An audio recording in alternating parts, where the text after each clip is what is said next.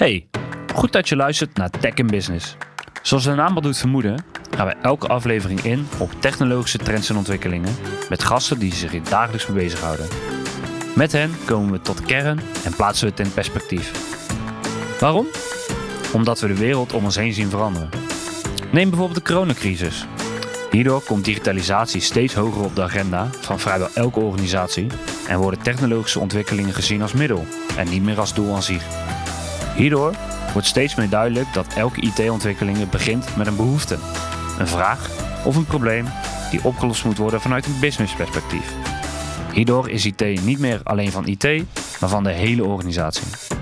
Precies hierom willen we deze complexe IT-ontwikkelingen dus simpel en toegankelijk maken, zodat iedereen het snapt.